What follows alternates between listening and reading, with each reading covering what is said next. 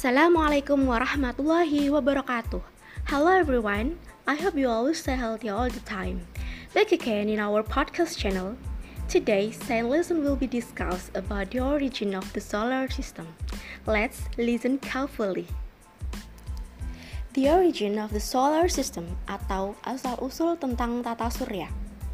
Teori asal-usul tata surya terbagi dalam tiga periode, yaitu sejarah awal terbentuknya tata surya, teori terbentuknya tata surya sesudah Newton, dan teori pembentukan tata surya pada awal abad ke-20. Bagaimana teori-teori tersebut dikemukakan? Simak baik-baik. Sejarah awal terbentuknya tata surya diawali dengan lahirnya sebuah teori dari keingintahuan akan suatu kejadian atau keadaan.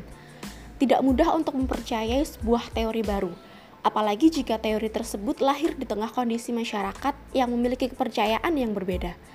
Namun, itulah kenyataan yang harus dihadapi oleh para ilmuwan di awal-awal penemuan mereka. Hal utama yang dihadapi untuk mengerti lebih jauh tentang tata surya adalah bagaimana tata surya itu terbentuk, bagaimana objek-objek di dalamnya bergerak dan berinteraksi, serta gaya yang bekerja mengatur semua gerakan tersebut. Sejauh tahun-tahun sebelum Masehi, berbagai penelitian, pengamatan, dan perhitungan telah dilakukan untuk mengetahui semua rahasia di balik tata surya. Pengamatan pertama kali dilakukan oleh bangsa Cina dan bangsa Asia Tengah, khususnya dalam pengaruhnya pada navigasi dan pertanian. Dari pengamat Yunani ditemukan bahwa selain objek-objek yang terlihat tetap di langit, nampak juga objek-objek yang mengembara dan dinamakan planet.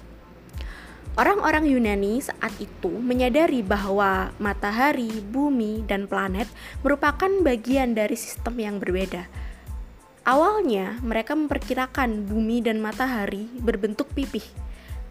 Tetapi Pitagoras menyatakan semua benda langit itu berbentuk bola atau bundar.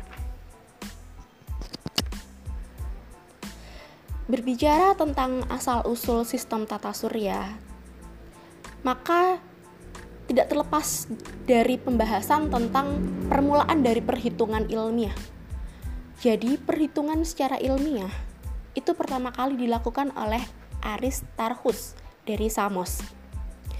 Ia mencoba menghitung sudut bulan, bumi, matahari, dan mencari perbandingan antara jarak dari bumi ke matahari serta dari bumi ke bulan. Aristarchus juga merupakan seseorang yang pertama yang menyimpulkan bumi bergerak mengelilingi matahari dalam lintasan berbentuk lingkaran yang menjadi titik awal teori heliosentrik. Jadi bisa kita lihat jika teori heliosentrik bukan teori yang baru muncul di masa Kopernikus. Namun, jauh sebelum itu Aristarchus sudah meletakkan dasar bagi teori heliosentrik tersebut.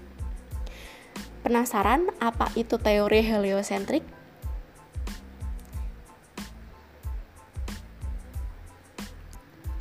Oke, selanjutnya kita akan membahas tentang teori heliosentrik. Seorang tokoh bernama Nicolaus Copernicus merupakan orang pertama yang secara terang-terangan menyatakan bahwa matahari merupakan pusat sistem tata surya dan bumi bergerak, bergerak mengelilinginya dalam orbit lingkaran.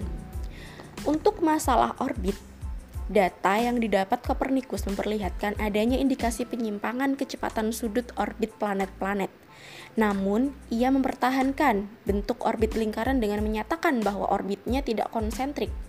Teori, teori heliosentrik disampaikan Copernicus dalam publikasinya yang berjudul The Revolutionibus Orbium Collegium kepada Paus Pope III.